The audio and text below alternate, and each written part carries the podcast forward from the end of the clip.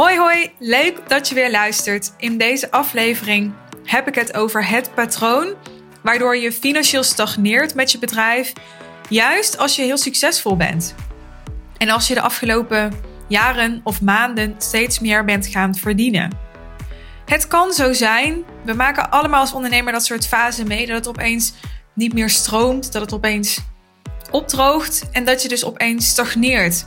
En het kan super beangstigend zijn. Het kan voelen als het imposter syndroom van nu ga ik door de mand vallen. al die tijd heb ik mezelf hier naartoe gebluft, naar dit punt waarop ik nu sta. Maar nu, nu gaat het als een soort kaartenhuis in elkaar storten. Nou, misschien ervaar je het niet zo heftig.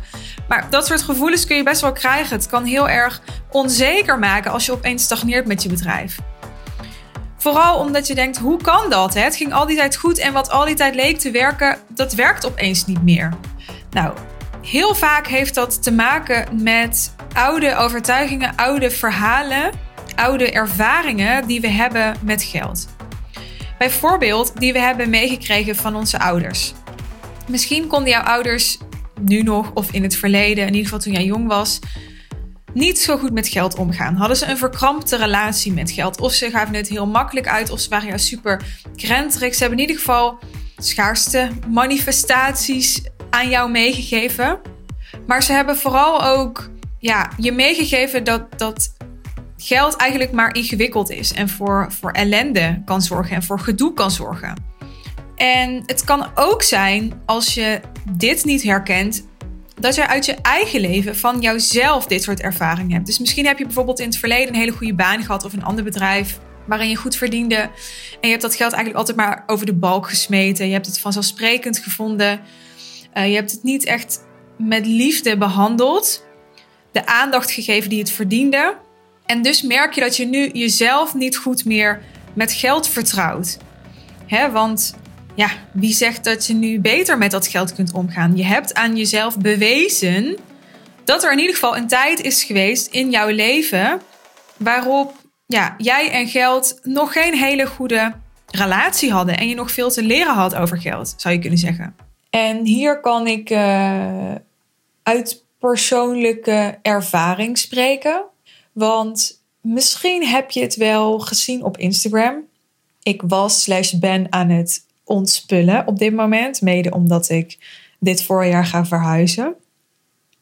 En ik ben tegen zo achterlijk veel make-up, met name aangelopen. Ik heb het in mijn stories gedeeld. Ik vind het echt best wel beschamend, maar ik deel het heel bewust toch. Omdat, eigenlijk om dit thema, eigenlijk om het onderwerp van deze podcastaflevering. Omdat ik weet dat veel ondernemers onbewust bang zijn dat ze niet verantwoordelijk genoeg met het geld om kunnen gaan als het bij hen binnenkomt. Want dat is eigenlijk wat er gebeurt op het moment dat jij meer gaat verdienen. Dan komt er meer verantwoordelijkheid bij jou te liggen. Kijk, geld circuleert gewoon tussen verschillende personen op deze wereld. En er komt niet automatisch meer geld op het moment dat er meer geld bij jou komt. Het geld wordt op dat moment alleen weer net iets anders verdeeld, waardoor er net iets meer verantwoordelijkheid bij jou komt te liggen. want iedereen die geld heeft, heeft ook de keuze om goede, tussen aanhalingstekens, dingen met dat geld te doen en slechte, dus aanhalingstekens, dingen met dat geld te doen. En natuurlijk alles ertussenin, want het is zeker niet zwart-wit. En ik weet dat heel veel ondernemers hier onbewust, dit is echt in 99% van de gevallen onbewust, hier onzeker over zijn. Hè?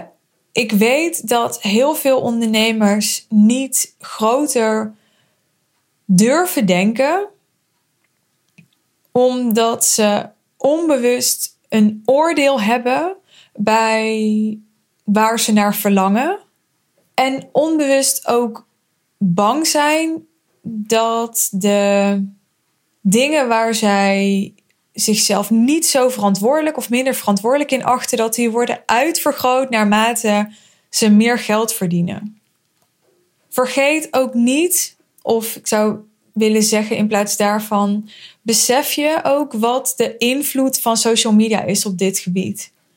ik merk aan mijzelf dat op het moment dat ik bijvoorbeeld op social media zie uh, dat iemand een marketingactie doet waarbij uh, een deel van de omzet of van de winst of soms het hele bedrag naar een goed doel gaat, ik gelijk denk: oh, misschien ben ik wel niet goed genoeg omdat mijn geld, of in ieder geval dit geld, hè, van, van mijn campagne nu of van mijn lancering nu, niet naar een goed doel gaat. Nou, dit is dan even een heel obvious voorbeeld. Hè? Maar heel vaak is het veel subtieler. Het kan bijvoorbeeld ook zo zijn dat jij in een situatie zit, ik noem maar even een willekeurig voorbeeld, hè, waarbij jij het geld met jouw partner op één hoop gooit. Maar eigenlijk vind jij onbewust dat jouw partner niet zo verantwoordelijk omgaat met geld als jij. Waardoor je ja, geremd wordt in meer verdienen omdat jouw partner dan ook meer kan uitgeven aan dat wat jij eigenlijk niet zo verantwoordelijk vindt. En daar voel jij dan weer verantwoordelijk voor. En zo is de cirkel rond, snap je? Dus wat ik je mee wil geven met deze aflevering is de vraag van waar, op welk punt vind jij jezelf nog niet verantwoordelijk genoeg met geld? En wat heeft dit voor impact op je bedrijf en op de mate waarin je nu geld kunt ontvangen? En wees bloody eerlijk. En zit ook even met deze vraag, want alle belangrijke vragen moet je ook niet te snel willen beantwoorden, zou ik willen zeggen. Maar journal er bijvoorbeeld even twee dagen op voordat je gaat slapen op een rustig moment. En kijk wat er naar boven komt. En schrijf dus alles op wat er in je opkomt en ga niet al die gedachten eerst filteren.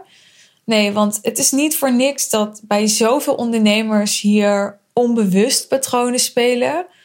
Dus het kan soms even moeite kosten om die onbewuste patronen naar je bewustzijn te krijgen. Maar dit is zo essentieel. Ik merk zelf dat ik door dat ontspullen en doordat ik ben tegengekomen hoe mijn gedrag en relatie met geld in het verleden was, dat ik echt heel bewust tegen mezelf moest vertellen en vooral moest invoelen: oké, ik ben niet meer de persoon die met geld omging zoals ik zeven jaar geleden met geld omging. Ik heb niet meer de hebzucht, hè, wat natuurlijk echt een van de zeven zonden is. Dus dat voelt voor mij heel naar ik moet echt tegen mezelf zeggen: oké, ik heb niet meer de hebzucht die ik toen had. Want als een deel van mij blijft denken: hè, ja, maar Suus, weet je, ehm, als er meer geld binnenkomt, dan, uh, dan komen er ook weer meer spullen. En dan, en dan, dan weet je, je, je hebt laten zien dat, dat je, als je al het geld wat je aan make-up hebt besteed, belegd zou hebben, dat je dan al financieel vrij zou zijn. Maar wat deed jij? Weet je wel, jij ging er zo onverstandig mee om dat je nog meer moest hebben. Er is ongetwijfeld een deel in mij, en ik, ik ben me daar niet eens bewust van. Het is niet zo dat ik die gedachten letterlijk denk, maar ik weet hoe dit soort patronen werken. Dus ik weet dat, dat een deel van mij onbewust zo zal denken. dat, dat er ergens een overtuiging zit bij mij dat als ik uh, genoeg verdien om mezelf zoveel salaris te kunnen betalen. Dat ik echt gewoon kan kopen wat ik leuk vind. Dat ik eigenlijk nergens meer naar hoef te kijken. Dat ik dan onverantwoordelijk met geld omga. En op die manier zal ik nooit een, een niveau kunnen bereiken waarbij ik echt nergens meer naar hoef te kijken. Want dat ga ik saboteren want ik, ik geef dan tegenstrijdige signalen af. Op het moment dat ik de overtuiging heb dat ik daar een slechter mens van word, kan ik het niet ontvangen. Dus ook een belangrijke vraag om jezelf te stellen is: wat vind jij van de versie van jezelf die een miljoen verdient? Wat vind je daarvan? Beeld je in wie je dan zou zijn. Beeld je in waar je je dan hard voor zou maken. Beeld je in waar je dan je tijd aan besteedt, waar je dan je geld aan besteedt. Wat vind jij van deze persoon? Houd jij van deze persoon? Omarm jij deze persoon? Heb jij compassie voor deze persoon? Kun je deze persoon vergeven? want ook deze versie van jou zal fouten maken en zal soms dingen doen die achteraf minder verstandig of onverantwoord waren. Want je bent een mens. Hoe vaak ik wel niet ondernemers aan de lijn heb gehad tijdens bijvoorbeeld een sales call die zeiden: Ja, ik hoef geen miljonair te worden. De enige reden waarom ze dat zeggen is omdat ze de overtuiging hebben dat ze als de, de miljonairsversie van zichzelf een minder leuk, minder verantwoord, minder liefdevol, minder fijn, minder vervullend, minder ontspannen mens zijn. Dus ze, ze, ze houden niet van die miljonairsversie van zichzelf. Dat is de enige reden. Want waarom zou je anders niet miljonair willen zijn? Als je zou houden van de versie van jezelf die miljonair is, dan zou je zo'n opmerking niet maken. Of je nou miljonair wilt worden of niet. Feit is dat je de kans hebt elke dag om met geld een stukje meer verantwoordelijkheid naar je toe te trekken. En een stukje meer zeggenschap kunt creëren over wat er met dat geld gebeurt. En ik denk dat als je daar wat beter over nadenkt, dat er geen reden is waarom je dat niet zou willen. Want jij vindt niet voor niks belangrijk wat jij belangrijk vindt. daar wil je toch aandacht aan kunnen geven. En met geld kan dat, weet je wel. Met geld kun je tijd kopen. Met geld kun je uh, mensen kopen. Hè? Mensen als in van, stel jij hebt een uh, oude zieke moeder. Hoe fijn is het als jij gewoon iemand kunt inhuren die met alle liefde en met alle zorgzaamheid haar biedt wat ze nodig heeft, zoveel als nodig is.